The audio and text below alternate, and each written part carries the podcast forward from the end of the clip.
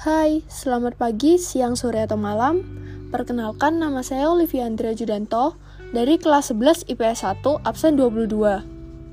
Hari ini saya akan membahas mengenai mengapa musik barat yang berkembang di suatu negara tidak akan sama dengan negara yang lainnya.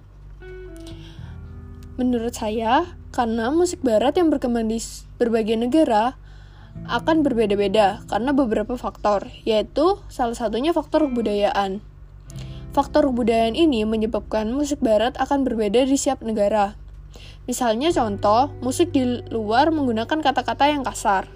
Namun di Indonesia, ketika suatu musik menggunakan kata-kata yang kasar, maka akan mendapatkan banyak kritikan dan ketiga, ketidaksukaan orang-orang yang mendengarnya.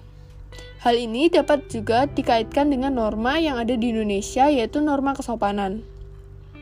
Lalu faktor lainnya yaitu dengan adanya perbedaan selera di setiap negara, yang menjadikan salah satu penyebab mengapa di setiap negara musik barat yang masuk tidak akan sama. Hal ini juga menjadikan perbedaan itu menjadi sebuah ciri khas tersendiri bagi berbagai negara itu. Sekian dari saya, maaf apabila terdapat kesalahan dalam kata-kata ataupun pengucapan. Terima kasih.